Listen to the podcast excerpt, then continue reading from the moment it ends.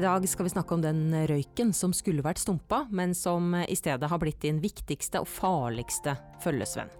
400 000 nordmenn røyker hver dag, og halvparten av de her sier at de har lyst til å slutte. Hvis du er en av dem, eller er glad i en som røyker, så er mitt råd til deg å få med deg denne episoden. Og foran eh, mikrofonene i studio sitter det to farmasøyter fra Apoteket som vet mye om hvordan man kan komme seg ut av røyken. Og det er Rebekka Gitlestad og Maren Hoff. Og ja, det er vel ikke første gang dere gir noen råd til de som prøver å, å slutte å røyke, Maren? Nei da, det er det ikke. Det er uh, ofte vi får spørsmål om det i apoteket. Uh, og det er mange som kommer dit når de ønsker å slutte å røyke. Det gjetta jeg på. Uh, Rebekka, hvordan har røykevannet våre endra seg under pandemien? Pandemien har egentlig påvirka røykinga vår litt forskjellig. Jeg så en undersøkelse som Responsanalyse har gjort for Kreftforeninga, og der kom det fram at det faktisk er like mange som har kutta ned på røyken, som har røyka mer de siste to årene. Ja, det viser at vi har en, en jobb å gjøre. Hvorfor er det så vanskelig å stumpe røyken? Det er nok fordi at eh, røyken kan skape en avhengighet på flere forskjellige måter. Eh, det er en fysiologisk avhengighet, altså abstinense som oppstår eh, når nikotineffekten avtar. Og så er det en psykologisk avhengighet, altså dette suget etter røyk. Ja. Og det er de viktigste årsakene. Men i tillegg så er det jo det sosiale med kaffepause og fest hvor røyken kan være en naturlig del. Og så er det vanen. Det at man er vant til å røyke sammen med morgenkaffen eller etter lunsjen på vei hjem fra jobb etter middag osv. Mm. Så finnes det faktisk en test som man kan ta for å sjekke hvor avhengig man faktisk er av den røyken. da. Oh, ja.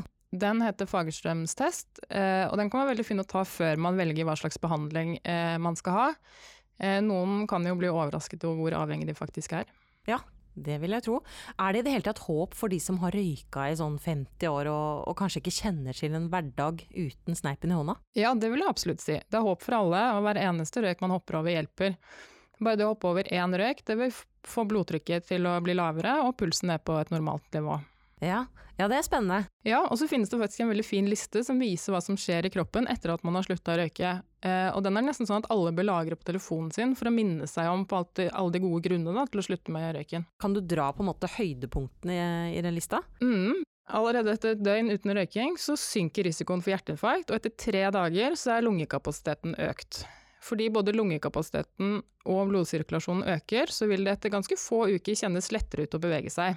Og hvis man skal se på langtidseffektene, så vil man etter fem år ha redusert faren for å utvikle hjertesykdom og hjerneslag. Og etter ti år så er risikoen for å utvikle lungekreft faktisk halvert. Ja.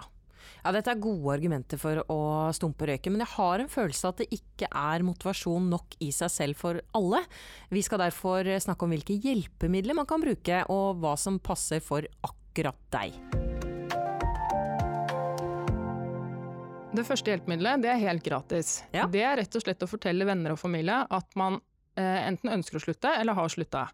Skriv det f.eks. på Facebook, eller fortell det til de du møter. Da lager du på en måte en slags avtale med de du har fortalt det til, og terskelen for å begynne igjen den blir kanskje høyere. Det er lurt.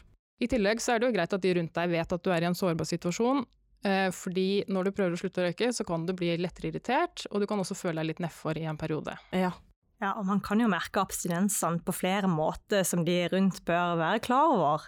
Eh, noen opplever å få konsentrasjonsproblemer, hjertebank, kaldsvette, og man kan være en del svimmel og kvalm. Mm. Varer dette her lenge etter at man har slutta?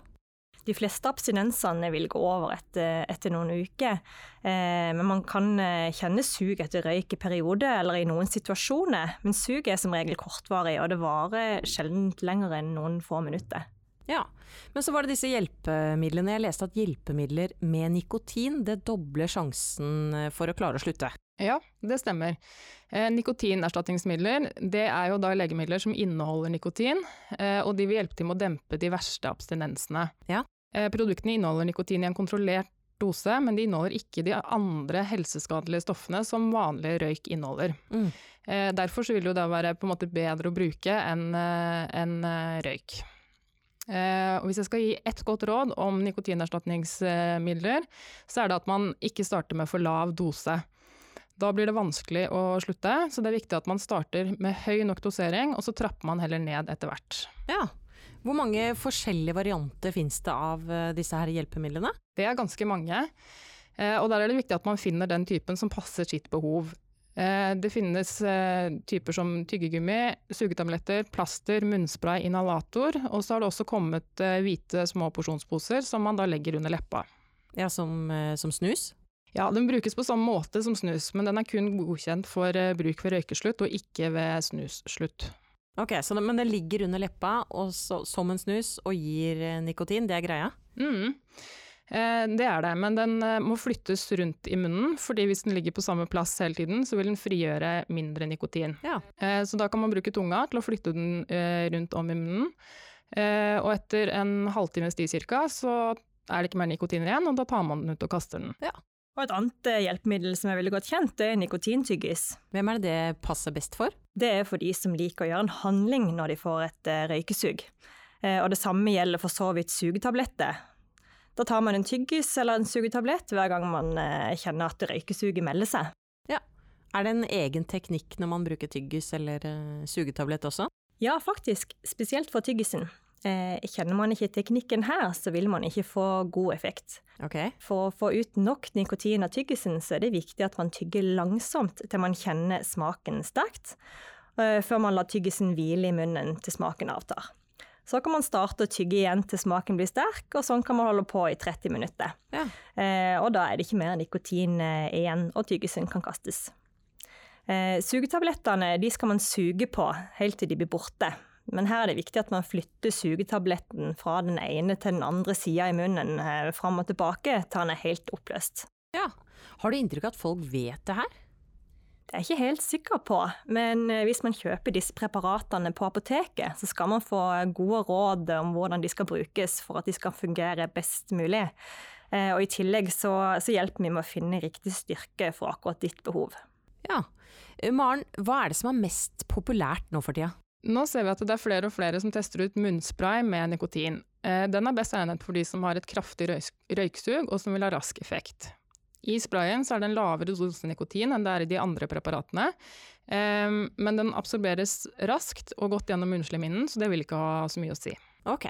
Er det en egen teknikk her også med den sprayen? Ja, altså det er viktig å bruke den riktig. Så det er viktig å ikke spraye ned i halsen, men heller mot innsiden av kinnet. Uh, og prøver å unngå å treffe leppene. Det er også viktig at man ikke inhalerer akkurat når man sprayer, og man bør også unngå å svelge med en gang, fordi sprayen skal tas opp i selve munnen. Ja, er det farlig å svelge? Nei, det er ikke farlig å svelge den sprayen, men det kan være litt ubehagelig. Og så vil man ikke få den effekten som man egentlig skal få. Nei. Men hva med de som har et røyksug hele dagen, hva kan de gjøre? Ja, for de som føler at de har et konstant røyksug, så vil jeg jo anbefale plaster. Eh, plaster er et format som man fester på huden, og som gir en jevn tilførsel av nikotin. Og det vil gi da effekt hele dagen. Eh, man kan også kombinere plasteret sammen med andre typer produkter eh, dersom man kjenner at røyksuget blir veldig sånn ekstra stort på noen tidspunkter av dagen. Ja. Hva med de som rett og slett savner den der sneipen mellom fingrene? Ja, da finnes det jo en variant som minner om en sigarett, og det er inhalatoren. Den holdes mellom fingrene som en vanlig sigarett. Eh, det som er litt viktig å være obs på her, er at man må inhalere flere ganger enn det man er vant til fra vanlige sigaretter for å få god nok effekt. Og så finnes det også reseptbelagte medisiner som blokkerer nikotinreseptorene i hjernen, og som dermed gir mindre stimuli ved røyking og reduserer en del av abstinensene. Mm. De inneholder ikke nikotin, da, eh, så hvis man skal bruke disse, så må det vurderes sammen med legen. Eh, og så tenker jeg det er viktig å nevne at eh, enkelte legemidler kan påvirkes av eh, tobakksrøyking. Som f.eks. antipsykotiske legemidler som inneholder klosapin eller olanzapin. Så hvis du går fast på, på, disse legemidlene, så er det lurt å snakke med legen din før du slutter å røyke eller endre røykevanene dine, for da kan det være nødvendig med en doseendring. Ja, da virker det som det fins eh, litt av hvert eh, for å hjelpe til når man skal slutte å røyke. Eh, vi går over til myter, vi, ved røykeslutt. Myte 1. Du legger på deg når du slutter å røyke. Det kan stemme for noen, faktisk. Nikotin øker energiomsetninga og påvirker ulike hormoner i kroppen. Og det kan gi økt høy kaloriforbrenning og dempe appetitten. Og mange opplever også økt appetitt når de slutter. Og det at smakssansen blir bedre etter røykeslutt, det kan også føre til at appetitten øker. Ja. Ja, og det forstår jeg jo godt. så hvis jeg skal gi et godt råd, så er det å ta seg et glass vann hver gang man har tenkt å ta seg en, en røyk. Ja. Vi går videre. Det er mindre nikotin i snus enn i røyk. Det stemmer ikke. Røyken inneholder mellom halvannen og 3,3 mg nikotin, mens en posesnus inneholder mellom 5 og 15 mg per dose.